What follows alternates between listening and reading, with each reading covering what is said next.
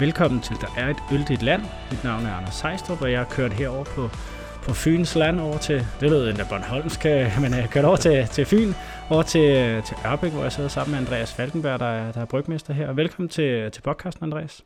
Tak for at være med. Jamen, og det, velkommen til Fyn, ja, til Ørbæk. det, det er jeg rigtig glad for. Vi fik jo en super flot rundvisning her. Øh, halvanden time alene med, med en brygmester, det, det er ikke helt og fik lov at drikke lidt for, for tanken af. Så, øh, så mange tak for, for den flotte Selvfølgelig. fremvisning. Nu har vi kørt så langt, så skulle vi da have en lille rundtur. Vi, øh, vi skal drikke noget i dag. Hvad, hvad har du fundet frem? Det var et svært, uh, det var en svært ting, at du skulle finde en øl frem fra et stort sortiment. Så jeg har virkelig gået og funderet over det i mange dage. Men jeg tænkte, at vi skal finde noget af det nye frem, vi har lavet. Mm. Der er sket lidt, synes jeg selv, efter jeg kom til. Så den, den, det nyeste skud på stammen i vores Unica-serie er Bygvin, som er en barley wine. Så den skal vi prøve at smage. Og jeg er jo, jeg er jo helt tosset med barley wine. Jeg er jo stor fan af det her barley wember. Ja, det ved jeg godt. Men øh, vores barley wine er lidt anderledes, fordi at øh, normalt barley wine har du den her sødme, øh, karamelmaltene, og, og det er også derfor, jeg har valgt ikke at kalde den en barley wine, men en bygvin, fordi at, øh, det er kun med lyse malte. Så har jeg faktisk også øh, været så fræk, at, øh, øh, frækt, men jeg har tørhumlet den, og så har jeg også lavet den på egetræ. Mm. Ideen i den her øl var sådan set noget, der udsprang, da jeg mødtes med Christian Hansen, der laver de her mikroorganismer. Forskellige kulturer til yoghurt, og også øh, gærstammer til vinindustrien. Ja, alkoholfri øl. Og alkoholfri øl, ja, Ja. præcis. Har de den her niergær, som mange bruger. Det kunne også godt være, at vi gør det. Men øh, vi mødtes med dem op i Nyborg Desteri, som er en del af vores virksomhed også, og der sagde de, at kunne godt tænke sig at prøve at lave whisky med en vingær. Altså hvor du gærer øllen, du så destillerer til whisky med en vingær. Så sagde hvorfor ikke bare lave noget øl? Øhm, så sagde jeg, hvad for nogle vingærstammer har I? Vi har nogle lidt forskellige, og så sagde jeg, "Men jeg kunne godt tænke mig at lave en øl, en barley wine. Og en barley wine er jo på grund af, at den er så stærk som vin, Mm. at det hedder en barley wine. Så tænkte jeg, hvad med at prøve, prøve at lave en øl som en hvidvin, en chardonnay. Så det vil sige, altså en øl på 12%, som den her, kun med lyse malte. Ja, den er flot. øh, Det er sådan helt orange og gennemsigtig. Ja. Jamen, den er blankfiltreret, så, så det er faktisk mm. alle vinprocesser. Og så med den her gær, den kan så kun spise øh, meget simple sukker som glukose og fruktose, som der er meget i, i druer. Så den gær gør meget, så jeg var nødt til at booste den med en anden gær. Så den her Trasteospora delbryg i vingær, den får 24 timer, og så bagefter kommer der en Saccharomyces, en kvækgær, som kan gære den helt ud, så den bliver de her 12 procent. Derefter tørhumlede den, for at give nogle sådan druenoter, så tænkte jeg, jeg skal have noget New humle. Men det skal jo være økologisk, for det, vi er jo rent økologisk, så jeg kunne ikke få fat i den her, der hedder øhm, New Ze- New- Nielsen mm, som er meget sådan ja. kendt for dens druenoter. Så fik jeg noget Pacific Gem i stedet for, som også er New Zealandsk, som har sådan de her passions- og frugtnoter. Og noget citra, tørhumlen, og så bagefter vil jeg gerne lære den på noget fad. Men på grund af, at det er en lys øl, så er jeg bange for at lægge den på fadet, så vil den oxidere helt vildt. Mm. Så jeg har simpelthen brugt, brugt woodchips til den her, Okay. for at ja. lige få sådan en, en fadlæring Ja, så ned i ståltankene. ned i ståltanken. Ja, Ja, ja, ja, okay. Og så har jeg faktisk gået og smagt den på dagen, og så har den fået tre dage. Og så var det det, Okay. fordi jeg vil ikke have vådt træ. Skål. Ja, ja, skål. Jeg bliver helt tørstig jo.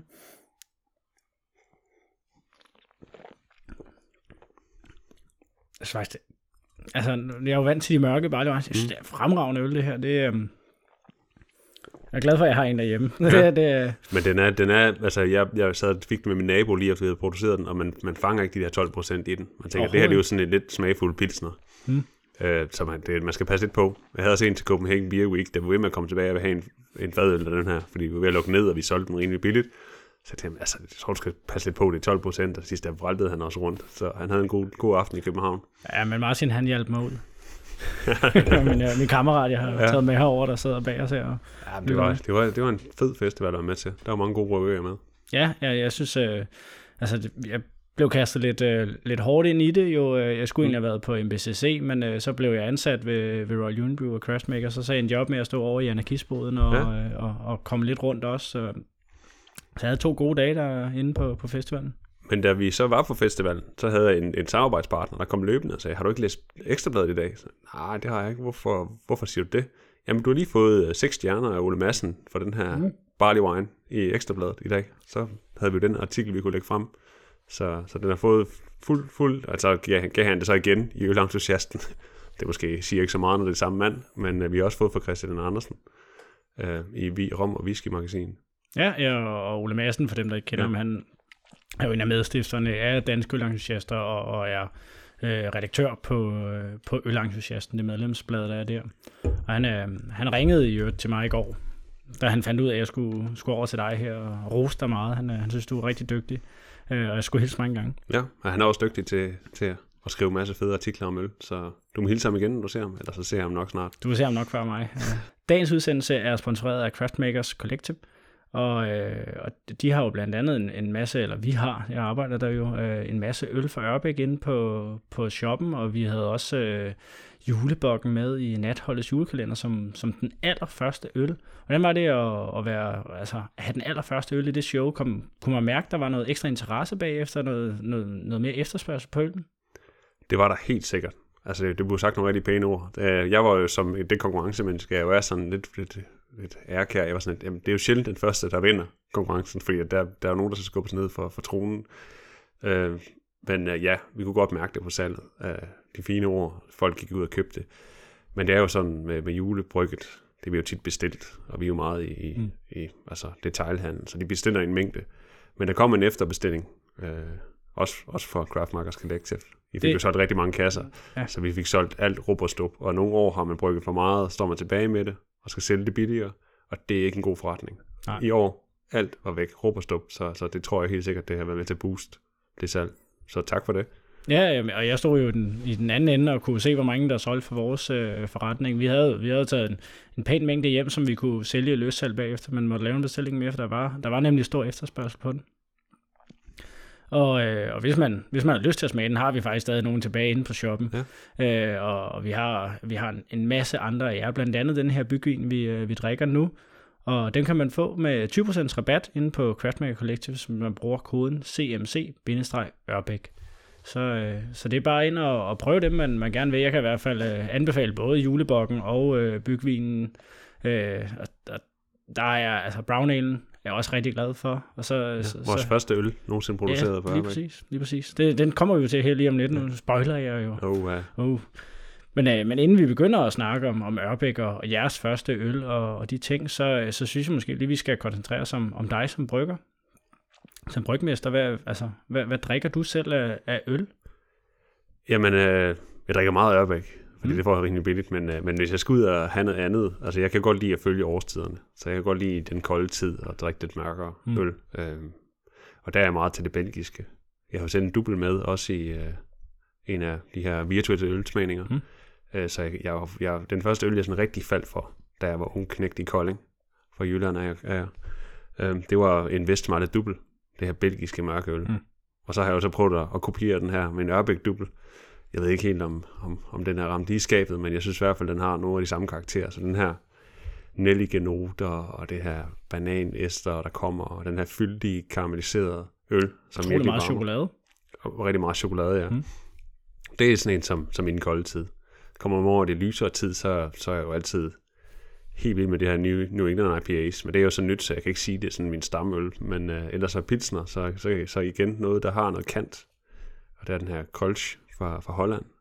Den er jeg helt vild med, for den har den her fenol, uh, nellik uh, medicinskabs. Den har det, som, jeg, som nogen vil kalde en taint, men noget, det der kant for gæren, som, som jeg synes er helt vildt fantastisk. Hmm. Den har lidt mere kant om fylde. Så. så du drikker det hele? Jeg drikker det hele, ja, det kan man godt sige, men, men, uh, men i sommerhalvåret mest det lyse, i vinterhalvåret mest det mørke, uh, ja, efter stemning. Ja, og har du så, hvis, hvis vi siger sådan go-to, hvis du lige kigger bort fra årstider. Altså, hvis, hvis du lige støder på den nede i supermarkedet eller kiosken, eller hvor, hvor du nu handler ind, lige ser, den er der. Den, den tager lige med hjem og ser, ser ja, så er det den her hollandske kolsch, som, som den her pilsner-type med lidt mere kant. Okay. Øh, og, og hvad, hvad er så din sådan all-time favoritøl for alle? Altså det... Det er et godt spørgsmål. Hmm.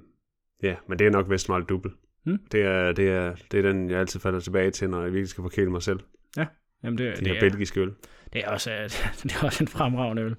Um, og jeg, jeg drak jo din, din dubbel her i forgårs, uh, ja. og, og jeg, synes, jeg synes ikke, du er langt fra den. Uh, det, det synes jeg faktisk ikke. Uh, så, så hvis det var det, der var uh, selve, uh, selve inspirationen, så, uh, så er du ikke langt fra at, at ramme den. Det, det synes jeg bestemt ikke. Nej, men de her, jeg tror nogle gange, at de er jo gode til at genbruge gæren, så jeg tror også, de får de her taints sådan lidt over mm. igennem generationer af gær hvor Ja. vi i, Danmark og, og Nordeuropa er bedre til sådan at, og så skulle have nytgøre hver eneste gang. Altså, altså jeg sige, øh, forskellen, det, som, som jeg synes, øh, der lige var på din dubbel, og den der, den er lidt mere sådan øh, rund og fed. Øh, og det er det, de kan, Belgierne, ikke? Mhm. Mm-hmm. For, for gæren og malten Ja. ja. til rigtig arbejde sammen. Det er, det er de fuldstændig unikke.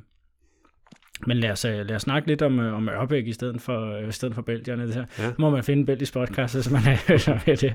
Øh, hvornår var det, at Ørbæk startede? Jamen, Ørbæk har haft mange ansigter, siden de startede. Det er helt oprindeligt startet, det er 1906, med at lave hvidøl, stakitøl, som er egentlig øl, der ikke er ret stærkt. Så, som sådan, er brygget og maltet det hele herude. Så, Ja. Og så i 97 købte familien Rømer bryggeriet, som faktisk var meningen, at de skulle tabe sodavand. Og så fandt de ud af, at der står et gammelt hvidølsbryggeri. Og så i 2001 lavede de den første brown ale, som du også har inde på shoppen. Øh, og herefter Fyns forår, som der var omkring 2002, som de fleste nok kender os for. Mm. Mm. Og så er det sådan set gået rimelig stærkt med ølproduktionen her, under ejerskab af familien Rømer. Ja, og Fyns forår, det er... Øh, altså, du kan jo godt spørge, men jeg, jeg ved det, at det er jo jeres øh, flagskibsøl. Det er det helt sikkert. Der, der har de ramt en år øh, mm. i af forbrugerne, som, som man ikke har set før. Altså en specialøl, som, som tiltaler andre end de, de ældre mænd og unge mænd, som også som godt kan lide det meget kraftige smagfulde øl. Mm. De har ramt café-forbrugeren. Kvinderne, meget let drikkelig, andet end pilsner, mindre bitterhed, Mm. frugttilsætning. Noget af det, som man gør rigtig meget nu, har vi gjort siden 2002. Så, så det, det har de ramt og så har de været økologisk på et tidspunkt, hvor der var sp- efterspørgsel efter økologi. Ja, first mover. Det kan man godt kalde Ja. det. Hvad, hvad, og jeres gennembrudsøl, det var så... Kan man sige, det var brown ale, eller, hvad er gennembruddet? Ja, jeg vil sige, det nok er Fyns for. Mm. Brown Ale, det var de, de startede med at ansætte en IS brygmester, der hed Matthew, øh, som, og derfor vi sidder her i den her, det kan I selvfølgelig ikke se, det lytter om, men vi sidder i en pop, som mm. er bygget op som en IS pop. Øh, Utrolig hyggelig herinde. Ja, øh, og det var ham, der byggede den, og han, han skulle selvfølgelig lave en brown ale først. Men så på grund af, at vi har den her også del af vores forretning, der hedder Naturfrisk, hvor vi laver økologisk sodavand, så havde man jo adgang til hyldeblomst. Mm. Øh, Og på den måde kunne man bruge det i øl, og så kombinerede man ligesom de to dele af virksomheden, og fandt ud af, at man har noget unikt ved at tilsætte øh, frugt, eller ikke frugt, det er jo så en blomst, Mm. til, øh, til øl. Så, og så fandt man, og så havde Coop 365 et mål om, at man skulle være alle råvarer økologisk på hylden. Så de økologisk smør, økologisk mælk, økologisk brød, og så stod de og kiggede på ølhylden, og så tænkte de, hvem skal vi dog ringe til for at få økologisk øl? Så var der kun familien Rømer at ringe til, og så fik man foden ind til forbrugeren, de fik lov til at smage Fyns forår, og så har den bare, ja, løbet Ja. ja. stærkt lige siden. Ja, og øh, jeg synes, at jeg har hørt eller læst, at det står for cirka 80% af jeres øh, ølsalg, Fyns forår. Det, Det er gør jo- det cirka. Det er ret markant. Det, det vil næsten tro, det kun er Tuborg, øh, Grøn Tuborg, der har den samme plads på et bryggeri. Ja, Så måske Limfjordsporteren op på Stisted ja. kunne måske også være en, der, der ligger deroppe af. Men altså, det er, det er, jo, det er jo dejligt. Ja. Og, men, og det er derfor, jeg ikke serverer den nu her, for jeg tænker, at det, det er sjovere for folk, der lytter til podcasten, at høre om noget af det andet, vi også kan. Mm. Ja, ja, helt sikkert. Jeg tror, de fleste, der lytter til den her, er, er, er måske lidt uh, enten uh, fuldblåen nørder eller seminørder på, på vej til at blive fuldblåen, så de kender nok. Ja. uh, Fyns forår, det gør de helt sikkert. Vil du, uh, vil du mene i et uh, core range eller et eksperimenterende bryggeri? Vi er et core range bryggeri, det er vi. Men, men har fået det ekstra ben, som er den her Unica-serie, hvor vi kan få lov til at nørde lidt. Fordi vi har det her gamle bryggeri fra, fra 1906, 20 hektoliter, eller 2000 liter, for at gøre det mere forståeligt. Øh, og vi har også har et øh, til 6000 liter. Så kan vi ligesom lave vores core range på det store, og så kan vi nørde lidt på det lille. Mm. Øh, og det har jeg fået lov til. Øh, og det, det synes jeg er, er super fedt. Og det er også en del af det at være passioneret ølbrygger øh, og brygmester, det er at få lov til at, at, at eksperimentere med nogle forskellige ting. Men på grund af, at vi har meget af det her detaljsalg på ølsiden, så, og vi ikke har så mange barer og sådan noget, så, så er det svært at komme ud og rampen med det. Og så, så, så derfor vi tjener pengene. Altså, vi er lidt levebrød, der er vores core range produkter, Mm. som er Fyns Forår, IPA og Falconer er også kommet ind nu her. Øh, så Ja, øh, den drikker jeg jo da også forleden. Jeg drikker jo gerne et par øl for de bryggerier, jeg skal ud til inden, for ligesom at lige at, at genopfriske noget, øh, som, ja. Som for eksempel Brown Alen, øh, eller Fyns forår, for lige at, og, hvad skal man sige, få en forståelse af, hvad det er, jeg skal ud til. Det er jo ikke altid, at man lige kan huske, hvordan en øl smagte, fordi man smagte den for fem år siden. Øh, og, og, og altså, jeg, jeg synes jo, I har en, et, altså, blandt dem, der er core range, øh, så har I jo et højt, øh, højt bundniveau. Det, det synes jeg, og den Falconer, der så er kommet ind, synes jeg er rigtig, rigtig fin. Det er en, øh, ja. øh, det, det er en øl, som vil for mange øh, virke som en gateway øh, i New England, men, men den er også rigtig behagelig for, ja. for de, Jamen, for de største nørder. Men altså, det er jo, den er jo opkaldt efter mig. Jeg havde jo Falkenberg. Øh, mm. så sagde jeg, jeg vil gerne have, den hed Falkenbier. Men så har han en direktør, der er københavner, så den skal da hedde Falconer. Ja. Jeg ved ikke, om han er inspireret af en gade derovre. Ja. Men der er jo også endnu en gang lavet mig inspirere det belgiske. Jeg er jo ikke sådan en, der godt kan lide at proppe ting i kasser. Så når, når det er New England IPA, så skal jeg lige huske at sige, at det er med en belgisk gær, for at få de her ja, nellikenoter, banannoter for, for, mm. for esteren, for gæren. Så, så, så det, øh, det synes jeg er lækkert i kombination med, øh, med den ja, tørre humle. Ja, ja og vi fik den direkte for, for tanken tidligere ja. i dag også. Det var, Første gang tørre humle med vores nye hopgun. Ja, Ja, det er sådan en stor rummaskine. Det er værd, du selv lige forklare, hvad det er. Jamen, hopgun er en måde, man kan tilsætte øh, humlen på, uden at skulle dumpe det ned i tanken, og på en måde få større udnyttelse. Det ligner lidt en rumraket, mm. som du selv siger. Øhm, men, øh, men det er simpelthen, du dumper, eller du, du tilsætter humlen, og så kører du øl ind igennem humlen for, for at ekstrahere de her aromastoffer, som du gør i tørhumlen. Øhm, og det sker mere effektivt, så du får mere smag ud. Øh, og det sker hurtigere, og det er nemmere at håndtere. Så, men vi har jo som sagt en core range, hvor vi ikke havde så meget tørhumlet øl. I bag der har været tørhumlet mange år. Men nu var Falconer kommet ind, og så kunne jeg ligesom sige til direktøren, nu tror jeg, der er behov for, at vi skal mm. have noget tørhumlings håndteringsudstyr. Og det har vi så fået den her hopgun. Så, og det er kun takket være forbrugerne, så tak derude. Ja, ja og for ikke nørder, så, øh, så kan jeg jo forklare, at det er simpelthen en maskine, man kører hen til tanken, og så i stedet for, at man står og, og hælder det her, de her gasebind med tørhumle, eller med humle ned mm. oveni som tørhumling, så, så tager man simpelthen øllet ned igennem maskinen og sprøjter det op igen. Og så er det, at humlen kommer ind igennem der. Præcis. Hvor meget øl brygger I herude øh, om året?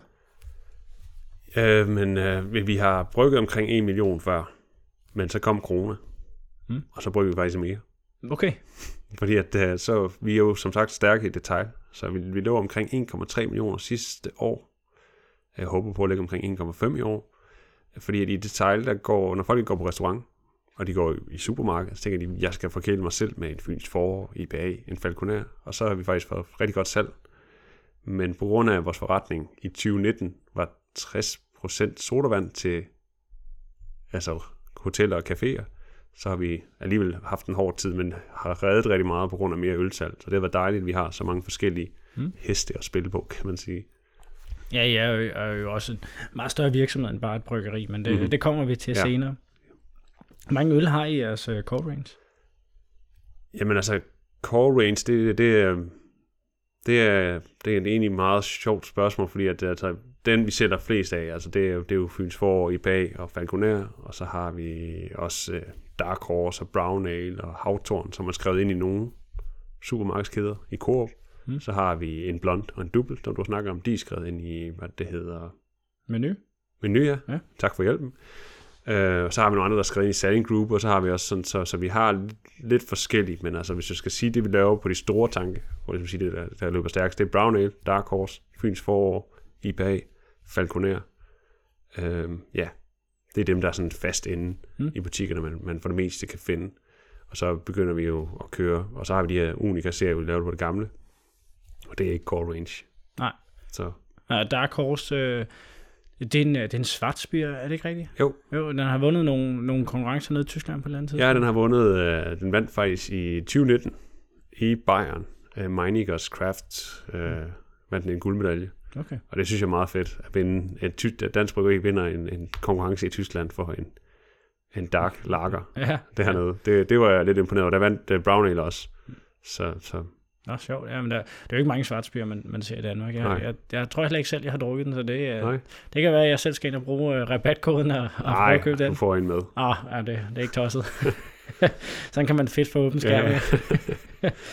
øhm, jamen, øh, lad os hoppe videre over og tage den sådan lidt længere og snakke om Ørbæk øh, bryggeri, du, øh, du kom jo selv ind på her, det, det startede i 1906 af familien Madsen, hvor det var et, et vild, hvidtølsbryggeri, og det, øh, det, det er jo sådan meget naturligt, man havde det dengang omkring byerne, fordi man ikke, man ikke helt stolede på vandkvaliteten, ikke? og så blev der solgt rigtig meget hvidtøl. Men kan du tage sådan lige fra familien Madsen starter det, og indtil nu lige tage historien og banke den igennem? Det, jeg håber, du har tid, Ja. Anders, men jo, det kan jeg sagtens. Altså, hvidøl var jo noget, altså nu ser man, for, det er en helt anden indgangsvinkel, man ser landmænd i dag, de arbejder døgnet rundt, og nu drikker de jo energidrik for at holde sig kørende. I gamle dage, der havde de ikke energidrik, så var nødt til at få noget energi fra andet sted. Det, var sådan et flydende måltid, sådan en, øh, en hvidøl. Mm. Så var de her 5 liter stakitøl, som, som ligesom blev brugt i nærområdet. Så du havde din egen lille stakitølsflaske, som sådan en, et træværk, der holder den her flaske op, så du har et fint håndtag. Øh, og det kunne du komme hen til de lokale bryggerier øh, og fylde op. Og det, det lokale bryggeri her i Ørbæk-området, det var Ørbæk Bryggeri, hvor familie Madsen havde etableret sig. De boede over bygningen, som du havde overse, i et huset, mm. og havde et øh, malteri lige ved siden af, hvor du kører bygningen ind, hejser det op og malter ned gennem niveauerne. Lavet hvidøl, fordi de maltede med tørv eller tømmer. Det vil sige, at de, de, de, der var simpelthen så meget røg og, og varme for røgen, der, der tørrede malten, efter den havde spiret. Øh, og på den måde, så var hvidølen også meget røget mm. og mørk. Øh, men til gengæld var, havde de ikke så meget styr på det her med at varme op, uden at ødelægge enzymerne, der hjælper til at skabe alkoholen i sidste ende. Så du fik sådan en, en øl på 1-1,5 procent, måske 2, hvis du var heldig et år, som, øh, som egentlig var mest næringsrig. Så du havde ikke rigtig, alle de sukker, der kommer fra malten, den havde ikke rigtig fået omdannet til alkohol. Så det var en energidrik, som, som var flydende kost for, for landmændene. Og de drev, så familien drev den her hvidølsproduktion øh, i Stakitøl ind til midten af 70'erne. Og så kom Pilsner-revolutionen, som man kender fra alle bryggerierne. Og der blev samlet øh, bryggerier, blev købt op, og, og det, så, der var skiftende ejere fra 77, og man prøvede sig med de her forskellige øh, pilsner-typer. Man købte en skyllemaskine til at rengøre genbrugsglas, men i midten af 90, eller i starten af 90'erne må man kapitulere og sige, at vi kan ikke følge med, og man blev ikke opkøbt sammen med nogle af de andre, så man lukkede simpelthen. Samtidig i Silkeborg sad familien Rømer, som er ejerne, øh, Nuværende ejer. nuværende ejere Ja. ja. stadigvæk. Øh, Signe Rømer og Niels Rømer, de havde en helsekostbutik, der hed Heksekosten, det har de stadigvæk i Silkeborg, hvor øh, hun styrede butikken, øh, og Nils han købte øh, råvarer, og det var økologisk råvarer øh, til den her helsekostbutik. Og så importerede han økologisk råvarer solgt ud til hele Danmark. Øh, så han var sådan en importør af økologisk råvarer ind i first movers i Danmark. Øh, og det, øh, det gik fint, men øh, på et tidspunkt så kom hans søn, Nikolaj, som også stadig er en del af koncernen, mest nede i Nyborg Desteri, Nikolaj Rømer, øh, og sagde, far, jeg, jeg vil egentlig gerne have noget cola, men du siger, at jeg skal spise økologisk. Ja, men så, så må vi jo finde ud af det. Og så lavede de så en cola. Øh, og så havde de, var de ude til messer og serverede den cola for nogle øh, restauratører i Københavnsområdet, og sådan noget. De sagde, økologisk sodavand, det er jo, det er jo pissefedt. Det vil vi gerne være med til. Jeg ved ikke, om man må bande i sådan en Endelig. det er voksne mennesker, der hører den. Nå, men så, så tænkte de, jamen det vil de gerne, øh, men de manglede et sted at producere det og tabte det. Og så kigger man rundt i det danske land, og der var ikke noget tæt på Silkeborg. Så så de, Ørbæk Bryggeri var, nede, var lukket her i starten af 90'erne på grund af Pilsenrevolutionen, de kunne ikke følge med. Øhm, vi køber det for at tabe sodavand i Naturfrisk brandet.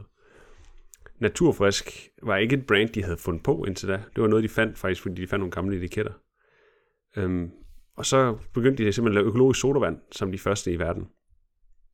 Øh, og det var, det var et hit for, for cafémiljøet, og derfor er der ikke mange, der kender os for vores økologiske sodavand. De kender os mest for ølene, fordi vores økologiske sodavand er meget i nicheområder, meget i København, i cafémiljøet, øh, fordi at, de økologiske råvarer gør, at vi ligger et højere prisleje, end man gør for en normal sodavand. Øh, så der kan vi ikke rigtig være konkurrencedygtige. Men i caféer og sådan noget, hvor man alligevel betaler rigeligt for maden, kan man også betale lidt for en sodavand. Så det, det startede virksomheden hernede. Så gik der et par år, der fra 97, hvor de købte Ørkenbryggeri, til 2001, hvor Nikolaj begyndte at arbejde på. Han så lige pludselig, hov, der ligger faktisk et gammelt bryggeri, som du også har set, som stadig er her, hvor de har brygget hvidtøllen. Kunne man videre lave nogle pumper og nogle rør sammen med en lokal smed, få det her op og køre igen og lave noget øl. Det kunne han godt. Og så tænkte de, vi skal bare have en til at brygge. Det var Nikolaj ikke så god til. Han var bedre med hænderne at få fikset de her. Så de ansatte ham af den irske brygmester Matthew, som blev ansat til at lave en øl. Og hvad starter en ir med at lave i Danmark? Man kan ikke lave en stout, for det er lidt for voldsomt for danskerne. Så laver man en brown ale. Selvom første gang jeg smagte vores brown ale, så tænkte jeg, det her det må næsten være en stout. Fordi den er simpelthen så fyldig. Mm. En brown ale. Øh, hvis man Ja, er ser på markedet på de andre. Øh, og den vandt nogle priser for bedste økologiske øl. Og det kan man sige, det er måske lidt nemt på det givet tidspunkt, for det, Det det er var den så mange. i hvert fald. Men, øh, og, så, og så gik der noget tid, og så begyndte de at lege med den her tanke om, hov, vi laver økologisk hyldeblomst sodavand. Kunne man lave noget hyldeblomst i øl, i de her åbne gærkaffe fra 1906, og det gjorde de så. Og så har vi været inde på historien med, at så kom de jo ind, det Coop 365, og økologi blev lige pludselig ind. Så på en eller anden måde, så er hele virksomheden placeret et sted, hvor der var gammelt, hvor det var hvidt øl, men, men hele ånden af økologien. Mm. Øh, og det er jo sådan lidt efterhånden lidt udvandet, da der er så mange økologiske. Men øh, så begynder vi jo selvfølgelig i, i, i tråd med alle de andre at tænke bæredygtighed og, og miljø.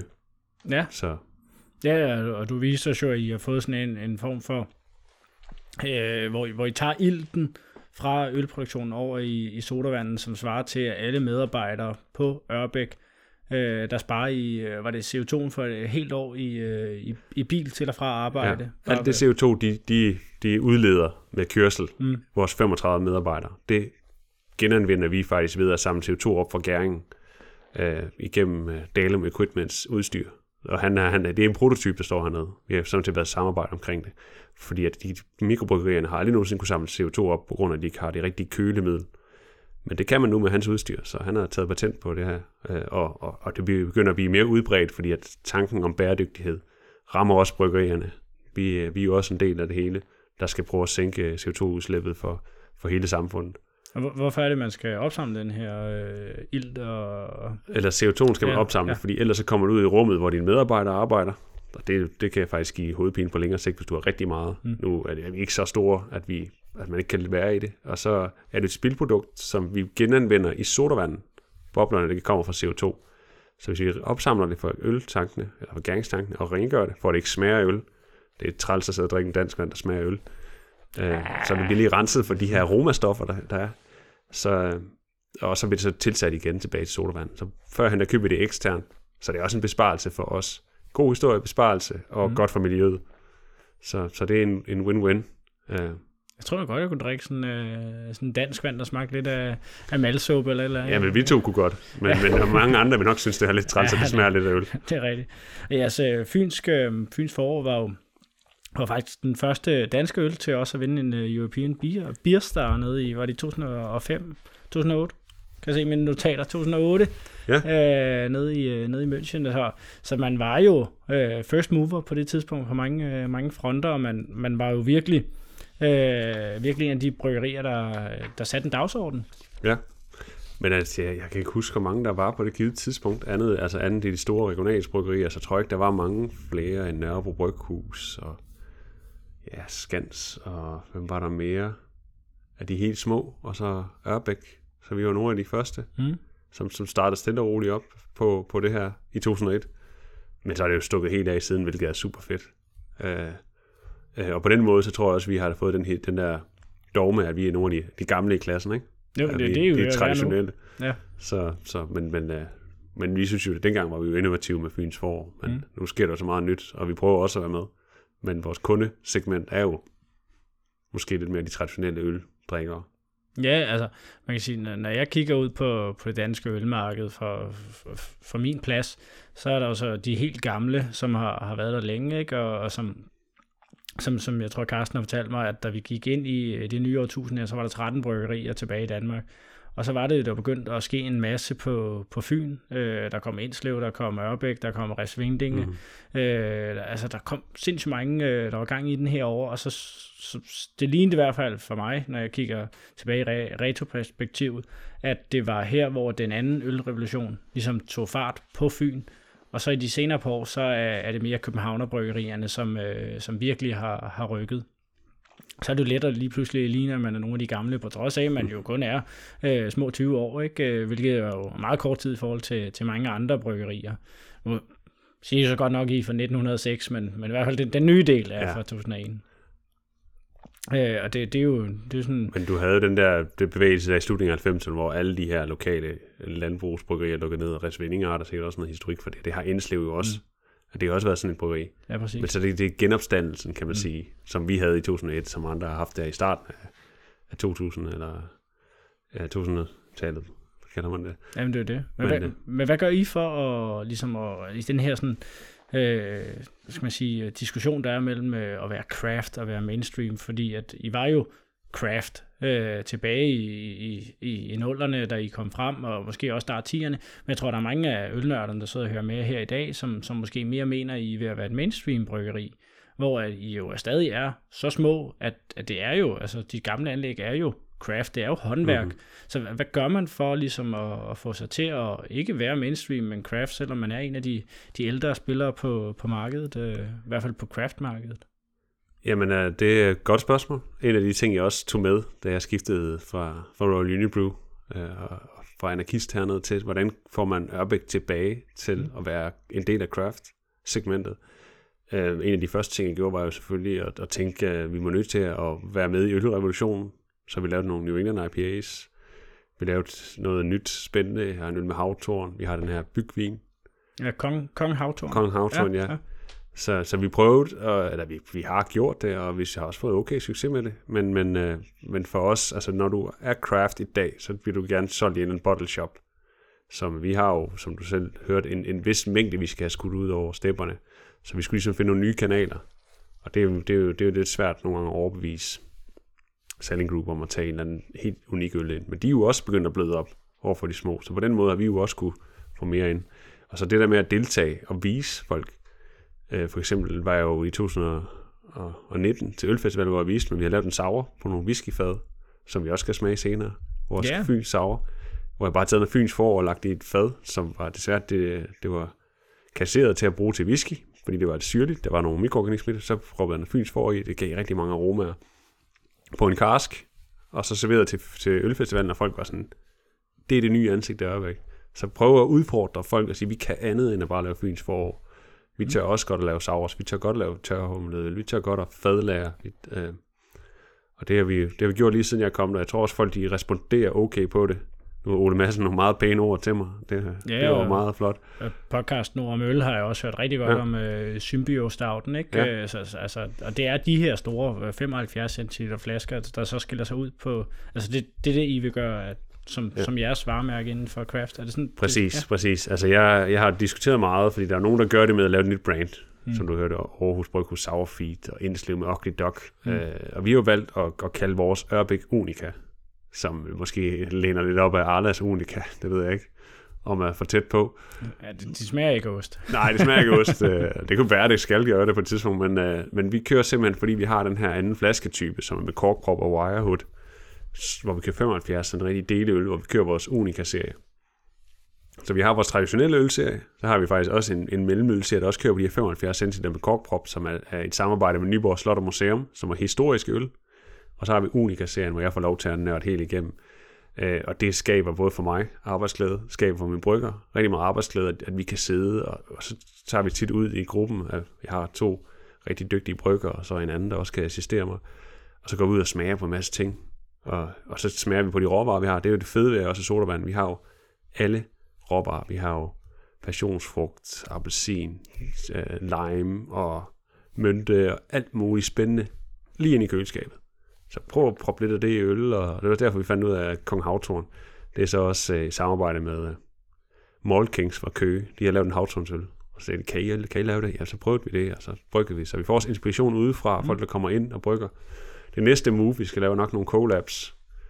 Men uh, det kommer an på, om vi er sexet nok. Men nu er vi også for store til at være med collabs. Okay. Fordi så skal man lige pludselig aftage 6.000 liter. Ja. Så. Ja, det er, man skal ud i sine egne salgskanaler. Og, ja. ja, okay, ja, på den måde. Så. Ja, nå, men altså, fordi det er jo, sådan en bygvin øh, på, øh, er den på 12 procent. Ja. Det, er jo, det er jo en massiv omgang at, at gå, gå i krig med, øh, så det er jo ikke noget, man bare lige gør af sig selv. Så på den måde er man jo heller ikke, øh, altså tager man jo ikke kampen op med, med Gamma, som var med i, i, i forrige, eller hvad hedder det, afsnittet før, og sidste gang Flying Couch, ikke, hvor man kører 33 centiliter eller 44 centiliter dåser. Så det er jo det, et andet segment, man cater til, men alligevel også nørderne. Øh, og jeg synes, den her er altså, virkelig den fremragende. Mm Øh, den, er, den er rigtig, rigtig god, så det ved jeg, den, den vil nørderne også øh, nyde. Og så, øh, så skal man bare lige huske, at man skal nok øh, åbne den tidligt på aftenen, hvis ja. man skal igennem 75 cm. Man kan jo dele den med et par stykker. Nej, nej, nej. nej.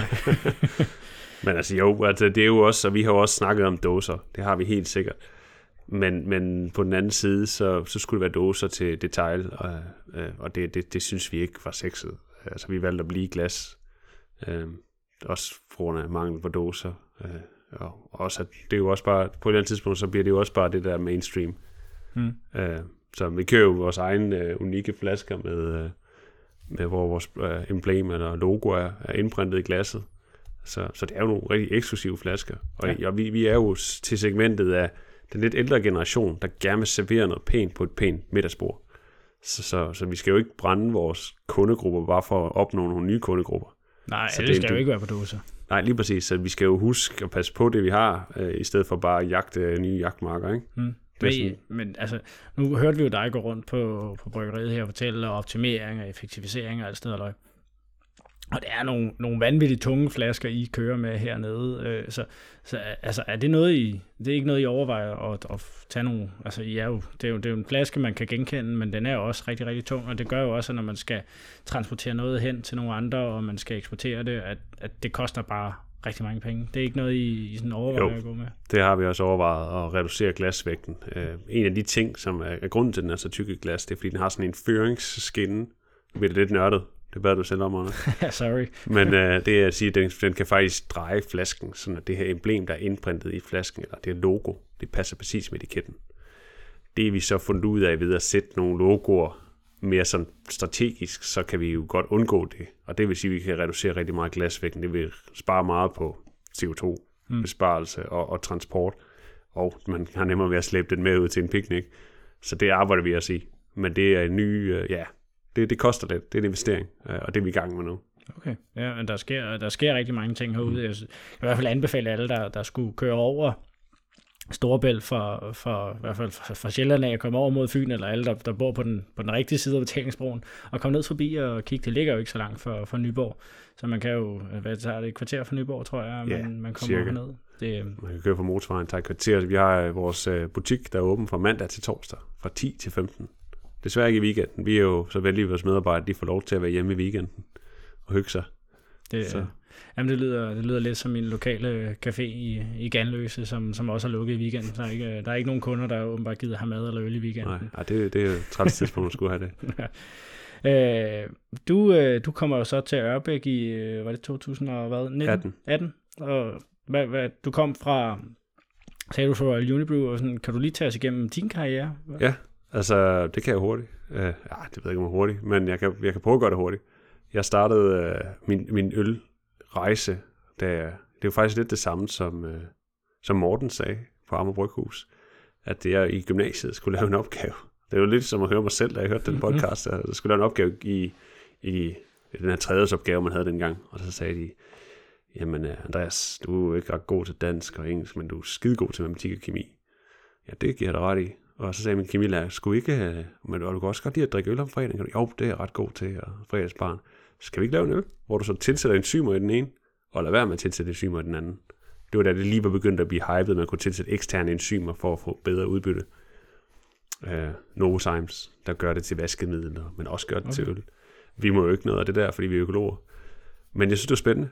Hvad, hvad, altså det var en fokus på enzymet i øl, og så fik jeg jo en øl, der var ret okay, stærk. Altså det smagte jo ikke ret godt, det var min første øl.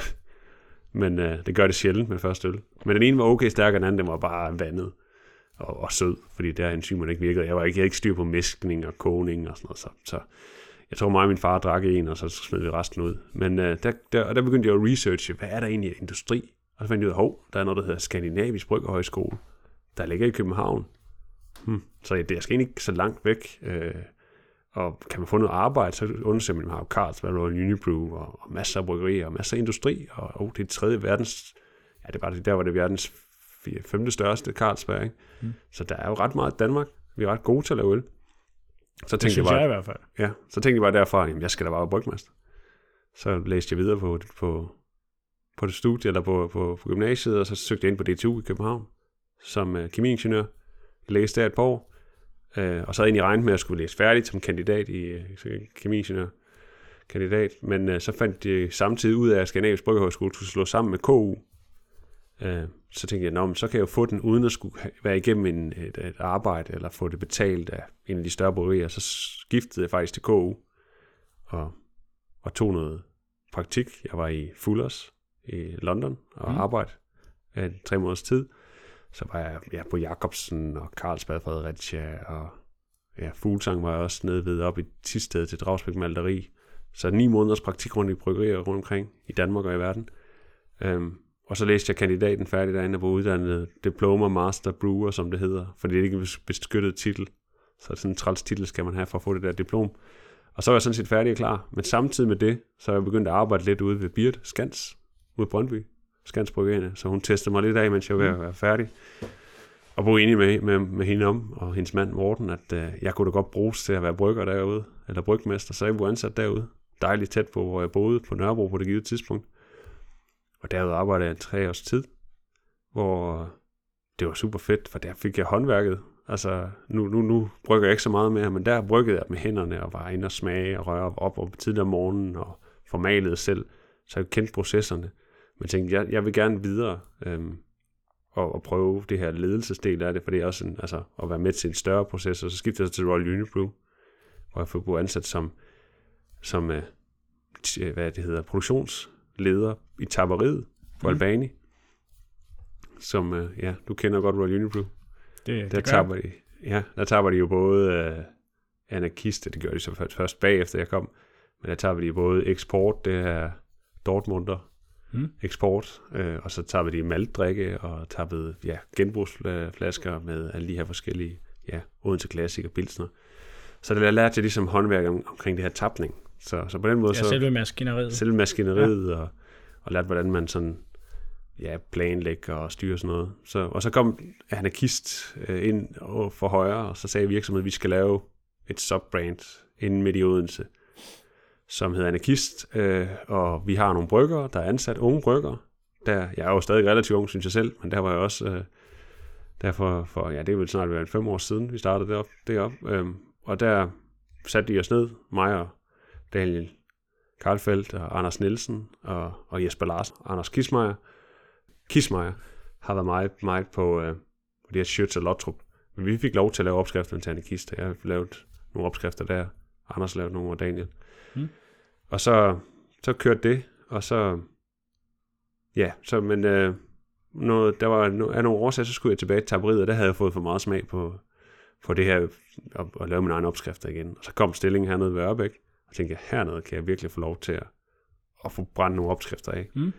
øh, og, og få lavet noget nyt, og være en stor del af det.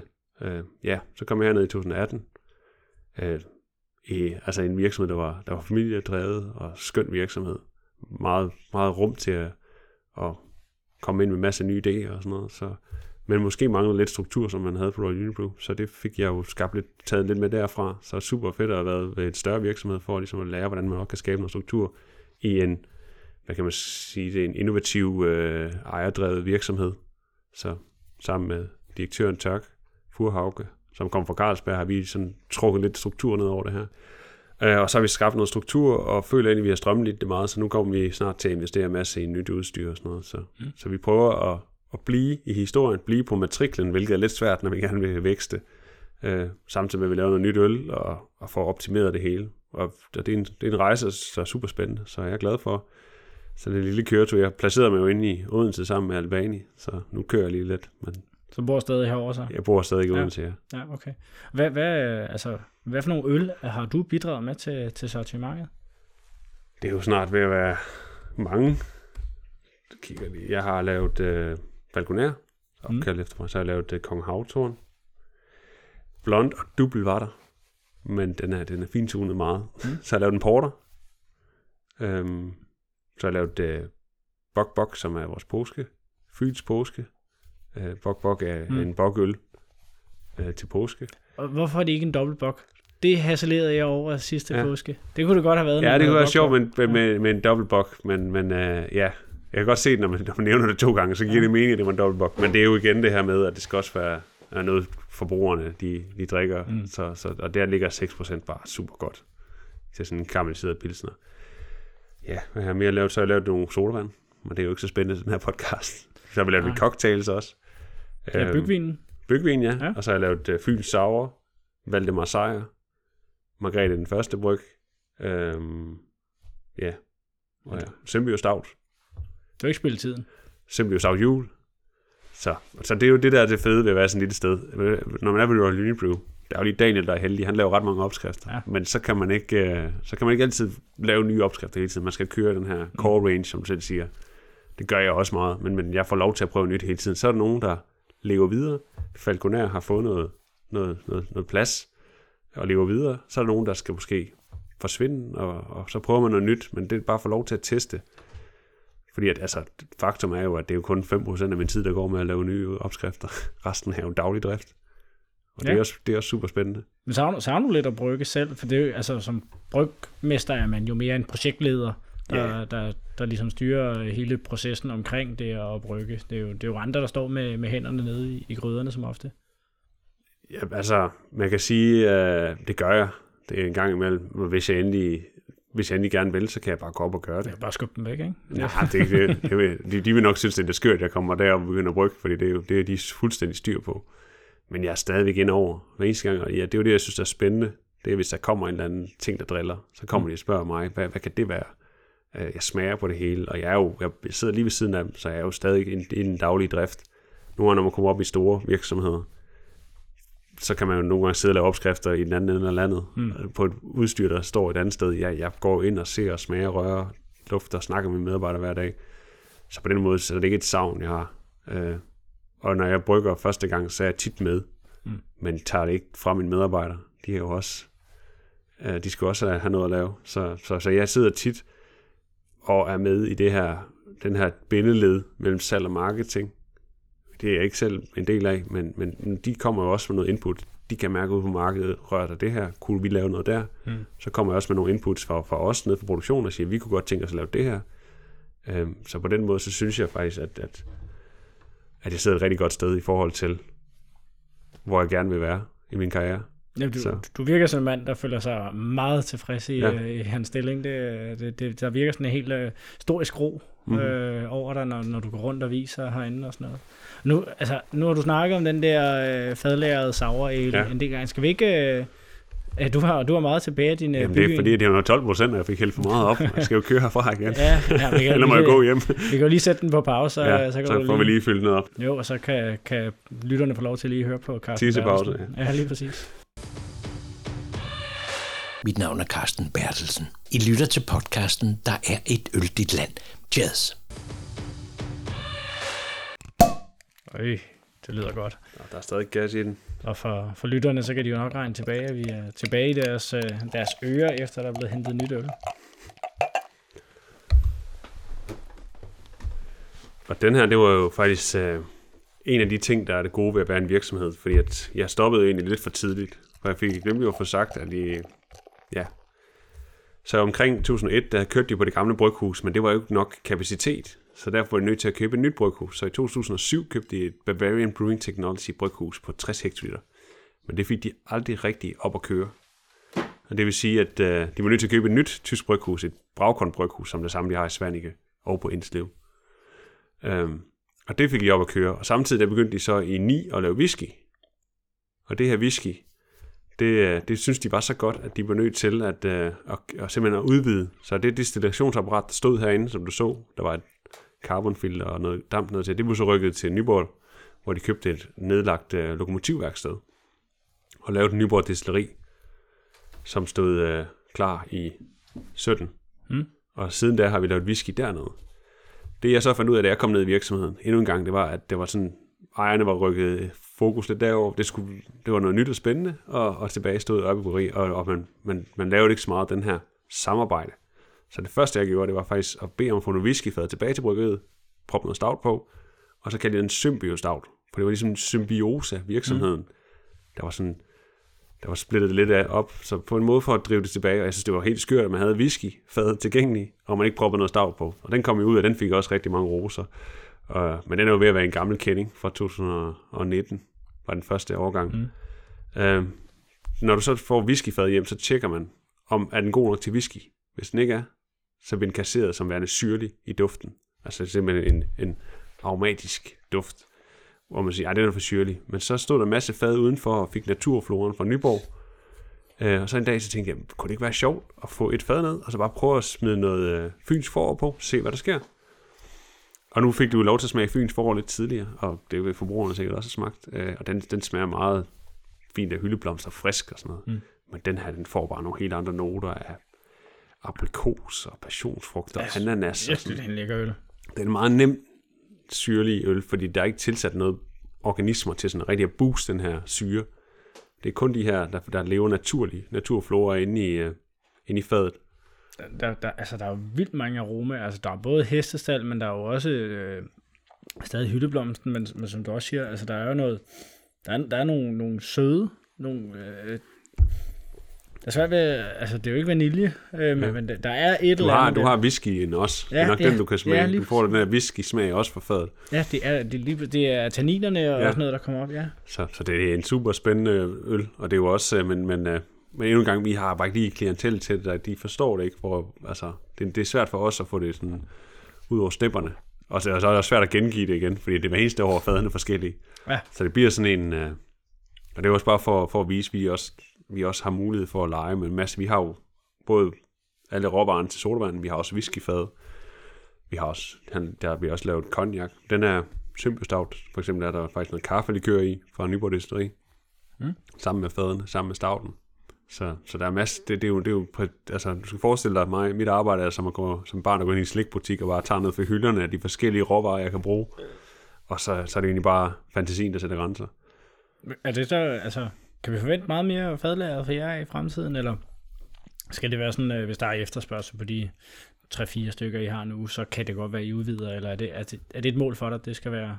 Jamen altså, altså man skal jo, altså man, man lukker jo bryggerier på, at man kun laver øl, man selv synes er spændende. Så det skal være også en efterspørgsel. Mm. Så, så, så jeg håber, at folk de kommer ud og smager noget af det fadlaget, og de efterspørger det, for så får jeg også lov til at lave noget mere. Uh, vi kommer til at fadlage mere. Vi har jo en helt plads, placering til det, jeg viste dig, som vi lige har renoveret. Mm. Uh, så vi, vi kommer til at fadlage fast. Vi har jo den her, det her rull, jeg forklarede dig om, da vi er ude at gå. Det her med, at vi først får vi whisky, eller vi får bourbonfadet hjem fra USA til, vi- til, til, til destilleriet. Så lærer vi whisky i en fem års tid. Så problemet lige nu er faktisk, at vi har ikke nok whisky taget, taget ud af tønderne, som har været Nyborg Destilleri økologisk whisky på, til at jeg kan lægge øl på. Så, så jeg venter faktisk på, at de tapper noget, før jeg kan lave den næste symbiostout, som så er næste proces, hvor vi lægger en symbiostout på. Så ligger den halvt års tid. Tager vi den op, så laver vi en symbiostout jul, hvor vi smider nogle krydderier ned i fadet, direkte ned i fadet.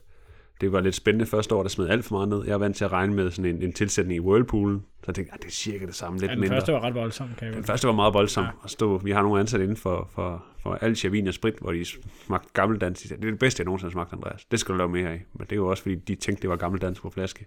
Så jeg skruede lige lidt ned. Så nu har jeg fået erfaring af, hvor meget krydderier tilsætter man direkte i fadene. Og så næste øh, sidste år her, der lavede vi en med kanel og appelsinskal og nellike og kirsebær koncentrat. Og den synes jeg egentlig var meget mere harmonisk.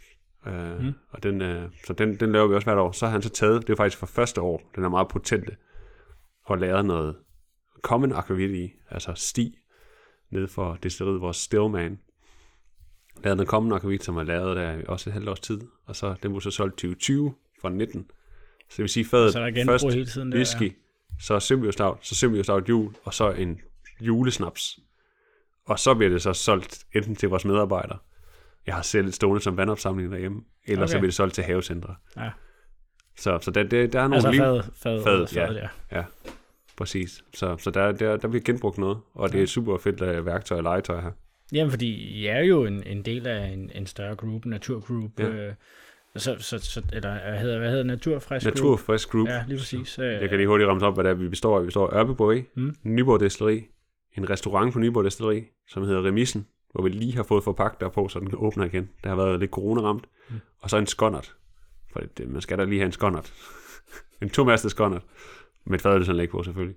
Ja. Så, Ja, så det er ja. gruppen, som er, som, hvor direktøren så er tørk, og jeg så er produktionsansvarlig for bryggeridelen. Ja, for den ene del. Og, og, altså, at, og der kommer vi til at se meget mere af det her sådan, ja, sy- symbio, øh, Mhm. symbiose imellem øh, i Præcis. fremtiden. Ja, ja det, bliver, det bliver spændende at følge. Så. Og jeg vil sige, øh, nu har jeg ikke smagt bygvinen, øh, bygvinen før, eller denne her øh, sauer øh, med, med Fyns forår, så altså, virkelig en øjenåbner for, at, øh, I, altså, jeg var måske også en af dem, der havde en fordom om, at, om, at I var gået mere mainstream-vejen nu, men, men det her, det, det kan noget. Det kan Mm. virkelig noget. Jeg, Jo, tak. jeg er altså, virkelig begejstret. Så kan du, du jeg tror, at uh, bygvin er på Craft Market skal løftes. Ja. Ja, det- ja, og Ja, I optagende stund, er også. Men Ja. det kan være, at vi skal have fat i noget sauer til... ja, i, i, webshoppen. I optagende stund er den ikke på webshoppen, men Nej. det kan folk jo gå ind og se, om øh, jeg har fået overtalt Lasse, der er, ja. der er indkøbschef øh, på Craftmakers, til at øh, den også skal være der. Den overgang, du har her, har vi... Ja, jeg kan ikke huske mange. Jeg tror, vi har en, en 600-700 flasker tilbage. Og det er jo... Det, det kan være næste gang, så smager den kun af gideryg. Det ved vi ikke. Så Så det, det, her er i hvert fald decideret så det- fremragende. det er godt at høre. Lige et, øh, et, et sidste spørgsmål, inden vi øh, går over til Facebook-konkurrencen. Fyns forår er jo 80% af, af jeres ølsalg. Er det egentlig en, øhm, er, er, er, det en fed ting at arve sådan en øl? Eller er det en, kan det også være en hemsko? Altså, fordi det er jo, det, det optager jo meget af produktionen, at man skal lave den her øl. Så det kan jo godt være, at det er sådan en, sådan lidt en forhandling for at udvikle nye ting, at man skal øh, brygge den, som de fleste efterspørger. Altså, jeg synes... Øh, altså, det, det er jo det samme for min hverdag. Altså, jeg, jeg er jo den sidste skanse for kvalitetskontrollen, så jeg, jeg, jeg smager på alt øl, der kryger ud, og så skriver jeg en kommentar på. Så hvis der kommer nogen og siger, den her smager lidt syrlig, den smager mindre hyldom, så kan jeg se, har jeg sagt de samme ting? Øh, og så kvalitetsgodkender jeg og siger, den her den er fin, tilstrækkeligt, hvordan den skal smage. Øh, så jeg smager jo rigtig meget på Fyns forår selv. Øh, og jeg synes selv, at jeg har haft en positiv indvirkning på den. Enig? Enig? Øh, men øh, det, det er der mange forskellige meninger omkring. Der er nogen, der er mere traditionstro og tænker, at den skulle smage, som den gjorde før. Øh, og jeg kan sagtens drikke en fyns forår, og det, det tror jeg også, de fleste øldrikker, eller øl, folk, der godt kan lide øl, kan. Det er bare ikke sådan en, der bare lige giver dig sådan en oplevelse. Det er sådan en, som, som det kan den gøre første gang, men så er det sådan en, en tørstslukker. Mm. Og, og nogle gange der glemmer man lidt, at man kan jo kun sidde og smage specialøl. Man skal også nogle gange have en tørstslukker ude i sommervarmen. Så på den måde, så synes jeg, at den har sin, sin rettighed derude. Øh, og, så er der også, Bestemt. og så er det også en, man kan også sige sådan, hvis man gerne vil have andre, som ikke er så vilde med øl på grund af bitterhed, på grund af, at de simpelthen smager bitterheden meget mere kraftigt, øh, så, så kan man sige, at det er en øjenåbner for folk. Jeg kan egentlig godt lide den øl, og så kan det være, at de kan komme over og smage en New England IPA fra nogle af de mindre bryggerier, eller nogle frugtøl. Så, så på den måde, så kan det være en, en gateway for folk, der ikke er så vilde med, med meget bitter øl. Så jeg tager siger, jo, altså, jeg synes, det er, en, det er en fantastisk øl, for det er den, der giver, der, der giver brød til, til det hele. Ja, nej, men jeg, jeg mener måske mere, at når man skal bruge 80% af sin bryggekapacitet på en øl, Mm. så kan man jo ikke udvikle så mange nye, som man måske gerne vil. Øh, om, om det på den måde kan Ja. være lidt en hemsko, at man, man har bundet 80% af produktionen op på, på en enkelt. Selvfølgelig, øh, men det er jo der, jeg er så heldig, at jeg har to bryggerier, som du har set. så jeg brygger jo bare på motorvejsbryggeriet, fuldautomatisk bagkon.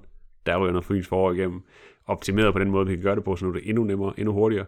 Og så kan jeg stå på det gamle fra 1906 og lave alle de nørdede ting. Ja, det er jo sådan et håndholdt lidt, som Ja. hvis man har set bryggeren, altså med, man starter op fra toppen af, og så hælder det ned igennem systemet, ikke? og så, så er der en øl til, til når man rammer, rammer gulvplan, så, så ligger der en øl i, i glasset.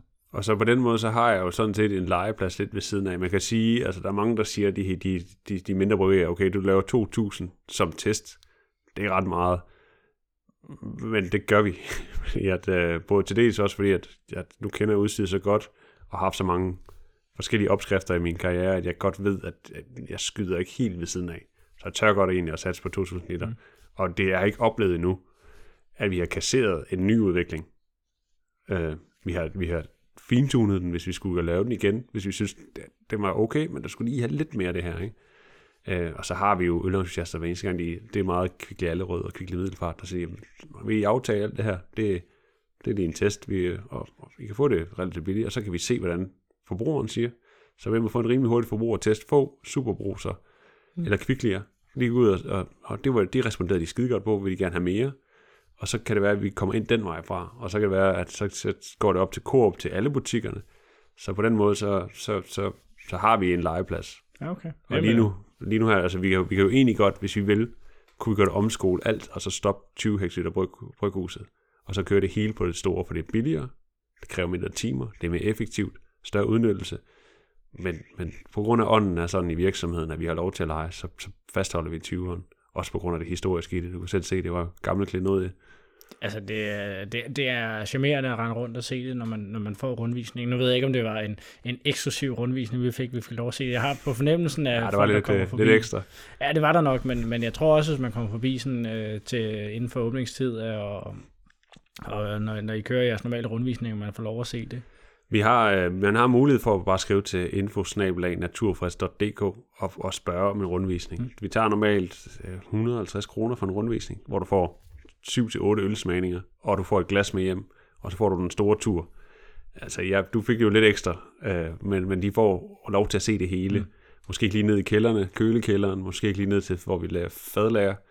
Øh, men ellers så får de lov til at se hele fabrikken. Øh, men man skal gerne være minimum 10, for vi har en brygger, mm. vi, vi, vi tager ud af produktionen, og så og tildeler det.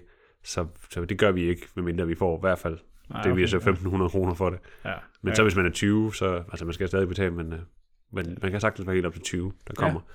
Vi har ikke sådan nogle rundture fast. Det har vi prøvet sidste år. Ah, det var så i 20, 2019, for det har været det her coronapjat. Ja. Før. Men der købte vi nogle faste rundture. Det var ikke, det er meget bedre med firma og store grupper. De bare selv kontakter os. Ja, det kan i hvert fald godt anbefales. Ja. Ja. Jeg synes, det var en kanontur, du viste os. Det tror jeg også, for nævnt tre gange nu. det, øh, det leder os videre, videre over til den her Facebook-konkurrence, som, som der også er. Og øh, hvis man går ind på, ind på Facebook og finder, der er et øldigt land, og lige får, øh, får kommenteret der, eller får fortalt, øh, hvem man gerne vil dele en øh, smagskasse med fra, øh, fra Ørbæk Bryggeri, så øh, er man med i konkurrencen.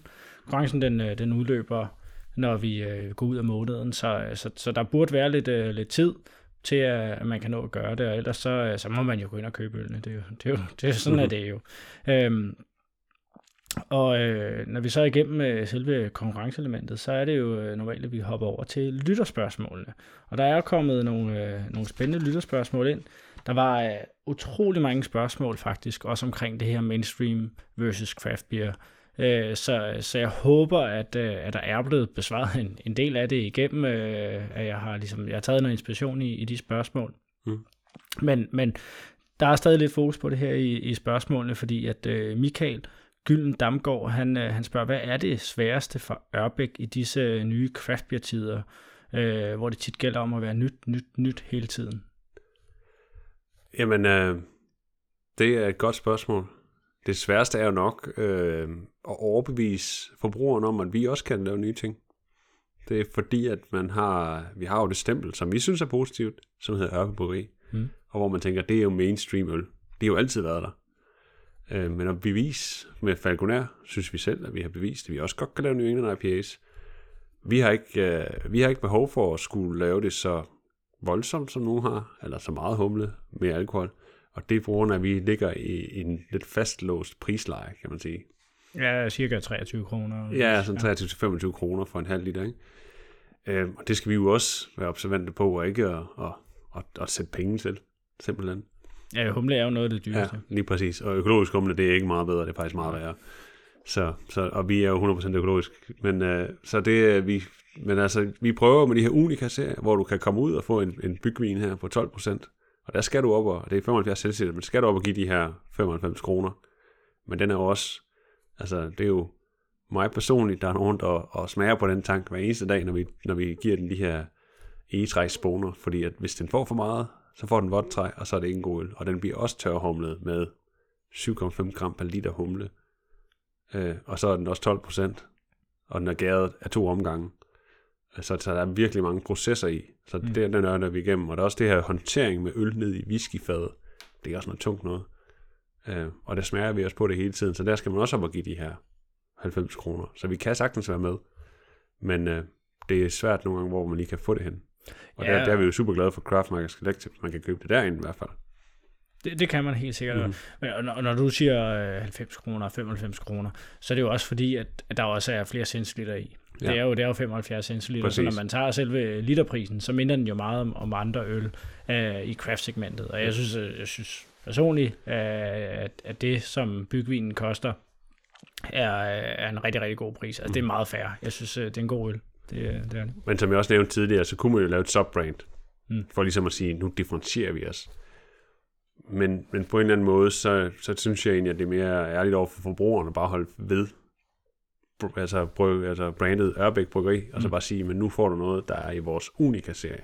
Som sagt, vi har vores fast øl standard serie, som er den her unikke Ørbæk-flaske, som er ude i butikkerne. Så har vi vores konge serie med Nyborg Slot, som er i den her 75 med korkprop og wirehood, og så har vi vores Unica-serie, som vi også godt, altså der, der kan vi også godt lave det i andre formater, men der, det er der, hvor vi virkelig har nørdet igennem og brugt rigtig meget kærlighed. Så det, det føler jeg også, vi har, og, og jeg har bare måske lidt mere ops på det her, som du måske kan fornemme, bruge gæren, eksperimentere med gæren, lave sådan noget bygvin med, med, med vingær, øh, bruge organismerne for et whiskyfad. Brug de, som jeg sagde, mm. den slikbutik, jeg kan gå hen og med den hylde, og så tage det ned, jeg allerede har, i stedet for at skulle ud og købe en ny humle og sådan noget. Jeg har masser af gode ting allerede.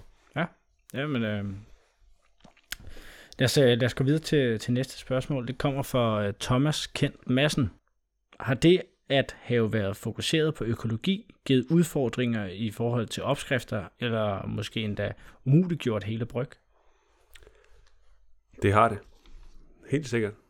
Som jeg sagde tidligere, at der er nogle øh, øl, hvor man gerne vil have, have alt gæret ud, og der skal man tilsætte nogle enzymer. Øh, og det, det kan vi ikke. Der er også noget humle. For eksempel har jeg, at det, det gør jeg aldrig igen, det var det værste proces, har jeg på et tidspunkt, hvor vi laver vores ørbækker, der kunne vi ikke få SARS humle økologisk. Høsten har simpelthen ikke været til det. De har kasseret hele skidtet. Og så måtte jeg sige, jamen der er to valgmuligheder, vi finder en erstatning, som er ikke økologisk, eller Som- som en anden økologisk? som en anden, som er økologisk, Ja. eller vi søger en dispensation. Jeg søgte så en dispensation, og det er jo det er ret nemt, fordi det er en meget, meget lille procentdel. Det, der er vigtigt, der er økologisk, det er jo den største procentdel, det er jo, det er jo malten, og det er Mm. altid økologisk og lokalt. Men øh, der søgte jeg en dispensation, og det var jo værre byråkratisk helvede, og så, så man også skrive det på etiketten og sådan noget. Men så fandt jeg så en erstatningshumle. Faktisk var noget, som, øh, det lyder lidt forkert, men noget Budweiser, de udviklede til deres som er en stærkere hybrid med SARS og en anden bajerskumle, som kan tåle mere. Og den er så skiftet over til nu. Så det ligesom har sådan, okay, nu har jeg ligesom, så, så på den måde, så er det sværere at source råvarer. Det er dyrere, det er sværere, og der kommer mere og flere folk, der spørger til det. Så der er mange gange, det giver jeg fuldstændig ret i, hvor vi har simpelthen sagt, det, det kan vi ikke, blive økologer. Og det er faktisk, ølsiden er rimelig godt med. Sodavandssiden, der har vi mange problemer. Det er virkelig svært at få stof, altså til, eller smagstoffer som Mm. økologisk.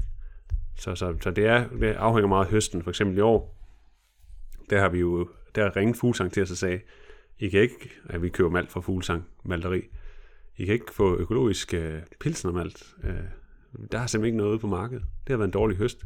Heldigvis har vi jo så en aftale med lokalbunden, så vi har allerede købt vores økologiske byg, som I så kan malte, og på den måde har vi fået økologisk pilsnermalt. Der er nogle bryggerier i år, de kan ikke lave deres variant af økologisk, på grund af, at der simpelthen ikke er malt til det.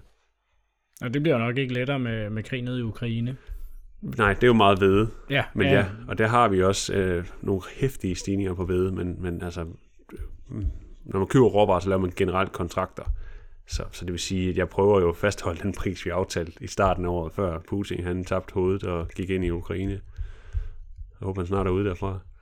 Men, øh, men så det, det håber vi ikke, den stigning bliver høj.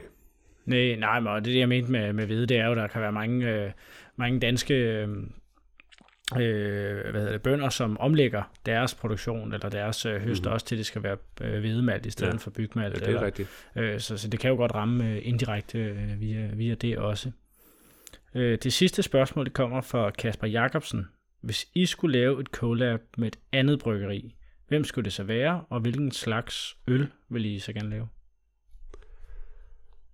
Og, der, og det kunne måske være en af de begrænsninger, der så også er ved økologien. Ikke? Det skal jo være et andet bryggeri, Økologisk som, bryggeri. ja, eller i hvert fald nogen, der vil købe ind mm-hmm. på Mhm. det, så skal brygges her via økologi. Jamen altså, jeg, vil, jeg har jo nogle gode venner i økologi, økologiens tegn, øh, og det er jo tit dem, der er i samme vægtklasse, kan man sige. Det lyder forkert, men altså, Forstår, hvad du mener? Det er, det er Michael Rabeck fra Nørre Bryghus, og Jan Paul fra Svanike. Mm. Kunne jeg sindssygt godt tænke mig at lave nogle collabs med. Men øh, jeg tror, vi alle tre har meget travlt med at bare skulle tilfredsstille vores kunder. Men ja, det er rigtig gode kammerater. Vi snakker tit sammen. Vi har cirka samme produktionsstørrelse, og vi er økologer, så vi, vi ringer tit sammen. Og hvad gør I med det her? Når der er de her problemer med myndighederne, der er de her krav til økologi, hvordan håndterer I det? Så som, som du sikkert har hørt, vi alle de andre, vi er jo sådan konkollegaer. Vi er konkurrenter, men også skide gode kollegaer, og vi ses jo til ølfestivaler, så jeg kunne godt tænke mig, og det skal da være en åben invitation, så skal hen til nogle af dem, at, at Nørrebro Bryghus, at vi laver en collab på dem, eller Svanike. Øh, det er lang tid, jeg har været på, på Bornholm, så jeg tager gerne derned og brygger noget med Jan Paul. Så, og hvad det skulle være, det kunne jo være noget, hvor jeg bidrog med noget af det, jeg kan. Jeg kunne tage nogle fade med fra Nyborg Destilleri. Jeg kunne tage nogle, nogle, noget frisk uh, juice med, som jeg, jeg bruger til nogle af vores sodavand og juicer. Og de kunne, altså Jan Paul er helt vild med ham. Så kunne det være sådan noget. Ja, han er, han, det, er han, det er han glad for. Han har nogle, ja. nogle forskellige hambøl, ikke? Holy ja. Hemp og lidt af hvert, som også var med i Natholds julekalender. Ja, så, så det, det kunne sagtens være, og så kunne vi jo prøve, mm. og for eksempel også med, med begge to, jeg mener begge to, de har en dåsekolonne, og få noget på dåse, som vi har snakket om, måske kunne være sjovt. Ja. Så forpakningen kunne også være sådan en, vi kunne lege med. Men helt sikkert øh, øh, noget fadlæring af en eller anden art, eller noget humlet med, med, med, med en frugtinfusion af en eller anden art. Ja, jeg har allerede planlagt en, øh, en optagelse med, med Michael Arbæk fra Nørrebro ja. Bryghus om, om fire optagelser, tror jeg okay. det er. Så, så der, der er lige lidt øh, ja. ude, i, ude i fremtiden, men, øh, men det kan jo være, at, øh, at hvis du rykker lidt og ringer ham op, at der så måske er et øh, cola, vi kan drikke den dag. Det, ja, det kunne faktisk det være meget, meget sjovt. Ja. Hvis du skulle, øh, skulle vælge en af de her øh, spørgsmål, vi så har været igennem nu, øh, af de tre, vi har haft, jeg kan lige øh, læse dem op her bagefter, øh, så kan du tænke over i mellemtiden, hvem der, hvem der skal vinde mm. en øh, smagskasse for Ørbæk, fordi det er også det, man kan, når man, når man stiller spørgsmål inde på, på Facebook og Instagram, hvis man følger, øh, der er et øl land, så kan man øh, vinde øl fra de bryggerier ude til, hvis man stiller det bedste spørgsmål. Og spørgsmålet, det var jo så øh, øh, Michael øh, Gylden Damgaard, der, der spørger, hvad, hvad det sværeste er i de her nye craft beer tider med nyt, nyt, nyt. Så er der Thomas Kent Madsen, som spurgte ind til det her med, om økologi giver udfordringer og gør øl umuligt eller bryg umuligt. Og så er der Kasper Jacobsen her, der spurgte ind til kålappet. Jamen, øh, det er jo meget gode spørgsmål alle sammen. Jeg synes, det første, det er meget relevant, fordi det er jo det her, som, som de alle går og tænker over, når de tænker Ørbebryg. Jamen, det er jo det traditionelle. Hvordan, hvordan får I lavet nyt? Hvordan mm. bevæger I ind på det marked, der hedder at lave masse nyt? Så han synes helt sikkert, at han har fortjent en kasse fra os, hvor han kan fornemme, at vi også godt kan lave noget nyt. Så kan han prøve at vælge noget havtoren, eller bygvin, eller ja. måske Fyns Sauer. Så han kan se, at vi også bevæger os i den retning, men han måske, at vi måske ikke er de samme steder. Mm. Så det er måske ikke så visuelt. Ja, men øh, tillykke til, til Michael Gylden Damgaard. Ja, tillykke Michael. Jeg sørger for, at der kommer en, en kasse med, med noget af jeres øh, øl frem. Og det fører os jo videre over til den her udfordring. Nu, nu var du næsten ved at, ved at sende en udfordring op uh, om et par afsnit mellem ja, ja. dig og Michael Rabeck fra Nørrebro Bryghus, men, men i uh, sidste afsnit, der havde Peter Sonne jo en, uh, en udsendelse, eller en udfordring til dig, Peter Sonne fra Flying Couch, ja. hvor han udfordrer dig til at, uh, at lave den her stakitøl, som du også har fortalt uh, ja. tidligere, sådan en, en øl med, med en lille røget smag, som I var meget kendt for tidligere. Er det en, uh, en udfordring, du, du har tænkt dig at, at, at, at, at tage op? Men altså, det, det vil jeg gerne. Jeg synes uh, allerede, vi har været derhen af med vores produkter. Vi har lavet en porter, som du har heroppe. Du kan ikke se det derinde, men det har vi faktisk lavet et stakit nede i bunden. Mm. Ja, det kan jeg godt se, når det, jo, det er super flot uh, label, der er på. Ja, så der har du også den her røde fornemmelse, så den har sådan lidt en røde til, uh, ja, udseende på etiketten, og så har den stakittet nede i bunden, og det er sådan set referencen tilbage til stakitøllen. Men så kan man så sige her, at Peter Sonic, han kan jo sige, at det er jo en, en lidt for stærk øl. Jeg tror, den er på en, en 6 eller 7, 7 procent, tror jeg faktisk, den er på. Der er ikke meget hvidøl over det. Der er ikke meget hvidøl over det, men så har vi jo vores hvidøl, som vi også kører hver eneste år. Så, så, men det er ikke røgmalt, så jeg vil meget gerne tage den op og prøve at lave noget hvidøl med røgmalt. Mm. Fordi det er jeg også selv kæmpe fan af. Um, du er en af de brygger, der også er vild med røg. Ja, jeg, ja. Kan også, jeg har også været ude på Schenkela og drikke uh, de første 4 liter, så, så jeg, jeg har vendt mig til det. Um, og jeg, jeg elsker røg og Schenkela men, men altså, det er jo endnu en gang det der med, hvor meget skal man lige smide i, før det bliver for meget. Uh, det er en fin, fin mm. grænse, der er mellem overdynget røg, og man associerer det alle sammen forskelligt med noget. Så jeg, jeg, jeg, jeg serverede en gang til en, en ven, som kommer af en muslims familie, en røgøl, han er så ikke sådan vanvittig muslim, men han sagde, du har serveret en baconøl til mig. Og det var hans association med røg, for røget bacon. Ja. Og når nogen siger, hvorfor serverer du en øl, der smager laks? Fordi de har smagt røget laks. Og, mm, så det er sådan, røg er meget forskellig for, hvordan I Og vi vil jo ølnerne siger, at den smager jo af schenkeler, den her, den her laks her. Ja. Er den, er den marineret i schenkeler? Ja, jamen, og vi, vi kommer jo til at holde det her verdens største virtuelle ølsmagning inde i, inde i Tivoli, hvor, hvor I desværre ikke er, er med, men der er en røgøl med, Ja. øh, kan, jeg, kan jeg afsløre Ja, for os øh, få mennesker, der, der sidder og snakker her, og, og, og de få mennesker, der lytter. Kunne det være til- fra Krangerup, den kommer fra? Øh, det kan jeg desværre ikke sige, men Krankerup er også med i ølsmagningen, så kan man jo prøve at regne ud, om, om der er... Ja, de, de er rigtig gode til røgøl, det må man give dem. Det og jeg vil er- meget gerne. Men, øh, men Peter Sonne, vi må, vi må vente til julen, tror jeg. Og så vil jeg jo gerne lave en, en unik tilsætning til vores, vores julevidøl. Fedt. Fedt, Så. fedt, fedt. Det er, det, er jo, det er jo sjovt, når, hvis, altså, at den her øh, podcast, den rent faktisk, øh, når der kommer noget konkret ud af det. Der er mange, der siger ja, og, og jeg ikke lige har set resultaterne øh, endnu af det, men øh, jeg må jo lige ringe ud til folk og holde dem op på, på um, Men det kunne måske være en, en altså man kunne være fræk og sige, vi har jo det her Unica brand. Du kan se, den er jo tappet i samme flaske. Du kan Mm. ikke se, den er også tappet i 75 cc. Så kunne man jo lave en lille 20 hektoliter, 2000 liter med røg hvidøl. Mm. Det, det, er- det vil jeg synes er super fedt. Ja, ja altså 75 cm video, øh, synes jeg jo personligt er meget, men, øh, Mhm. mm-hmm. men øh, står den ude i butikken, så skal, skal jeg i hvert fald prøve den, det er da helt sikkert. Du skal jo øh, så lave en udfordring til, til næste bryggeri, jeg skal op til, og det er, øh, det er Frederikshavn Bryggeri, eller Bryghus, hvor jeg skal besøge øh, brygmesteren Tom Schafferhans. Øh, og hvad, hvad har du fundet på til, til Tom? Jeg har jo været inde og se uh, Toms sortiment og læse lidt op på det. Jeg har mødt ham også til et par ølfestivaler. Rigtig fin fyr. Ja, super flink. Så, så, og jeg, jeg synes jo, han laver meget, meget sådan rigtig god, stabil øl. Og også lavet nogle IPA og sådan noget. Så jeg var sådan lidt, skulle man, til, skulle man udfordre ham til at lave en New England IPA, men, men ved du hvad, jeg tænkte, det kunne være sjovere at udfordre ham til at lave noget sour. Ja, Og dertil vil jeg gerne være lidt behjælpelig og sige, hvis han har behov for det, så sender jeg gerne et syrligt whisky fad op til den øl, så han kan få lov til at prøve det, hvis det er den måde, han gerne vil lave det. Men ja. til ligesom at komme ind i det her sour-segment, som, som vi også har prøvet at bevæge os ind i. Fedt, ja. Altså, at det, det ville være en voldsom oplevelse med, med kajne hekserej på 19% på, Ja, så, så bliver på syrlig. whiskyfad, ja. det, ville, det ville godt nok være underligt. Ja. men øh, men det, det glæder mig da til at høre, om, ja. om han om han har lyst til at, at prøve, og, altså, hvis du... Man kan jo tage lidt af sit bryg, og så er det jo kun 200 liter, der er sådan et fad der. Det, er jo, det, det er jo, og hvis han der får foræret fadet, Ja. ja. ikke, så, så er det jo bare at hoppe ud i det. Og det kan vi sagtens finde ud af. Fedt. Det er, en- det er, en- det er, en- altså, det Så får han en lille gave med på vejen, så, Ja, ja, så er super. der ingen undskyldning. Super sjovt. Det er lige før, jeg kan tage den med i bilen. Ja. Ja. Jeg, jeg kører videre i dag. Der, der går godt nok lige en måned Ja. mere fra denne her udsendelse til, til deres kommer ud. Men jeg kører videre op og, og snakker med ham. Men det er jo vigtigt, udvælgelsen af de fad er også vigtig. Man kan også få for meget. Mm. Det kan også være for meget hygge nede i fadet. Det skal jo så, men altså sådan en, det er en stærk øl, som hans kajnehækserej på sådan et, et fad, der har sådan nogle gode noter af lidt sådan aprikos og ananas, som vi har duftet i fad. Jeg ved, jeg ved ikke, om jeg synes chokolade og, og sådan syrligt stof, som det passer ja. så godt sammen. Nej, men han har også nogle andre øl, der Ja, er stærke og lyse. Ja, det, det kunne nu være meget sjovt at se, hvad der skete med ja. sådan en.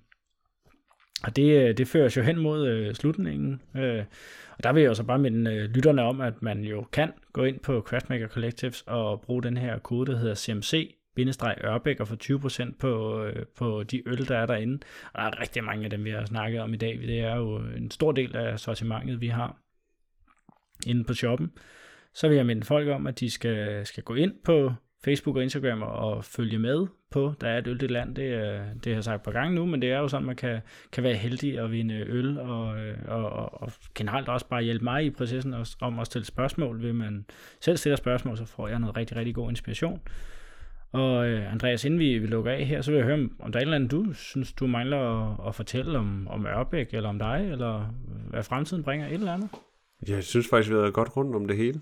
Altså, jeg synes, at øh, folk skal vide, at Ørbæk er her. Vi kæmper videre med at være, være relevante for alle, Mm. men vi selvfølgelig ikke brænder nogen.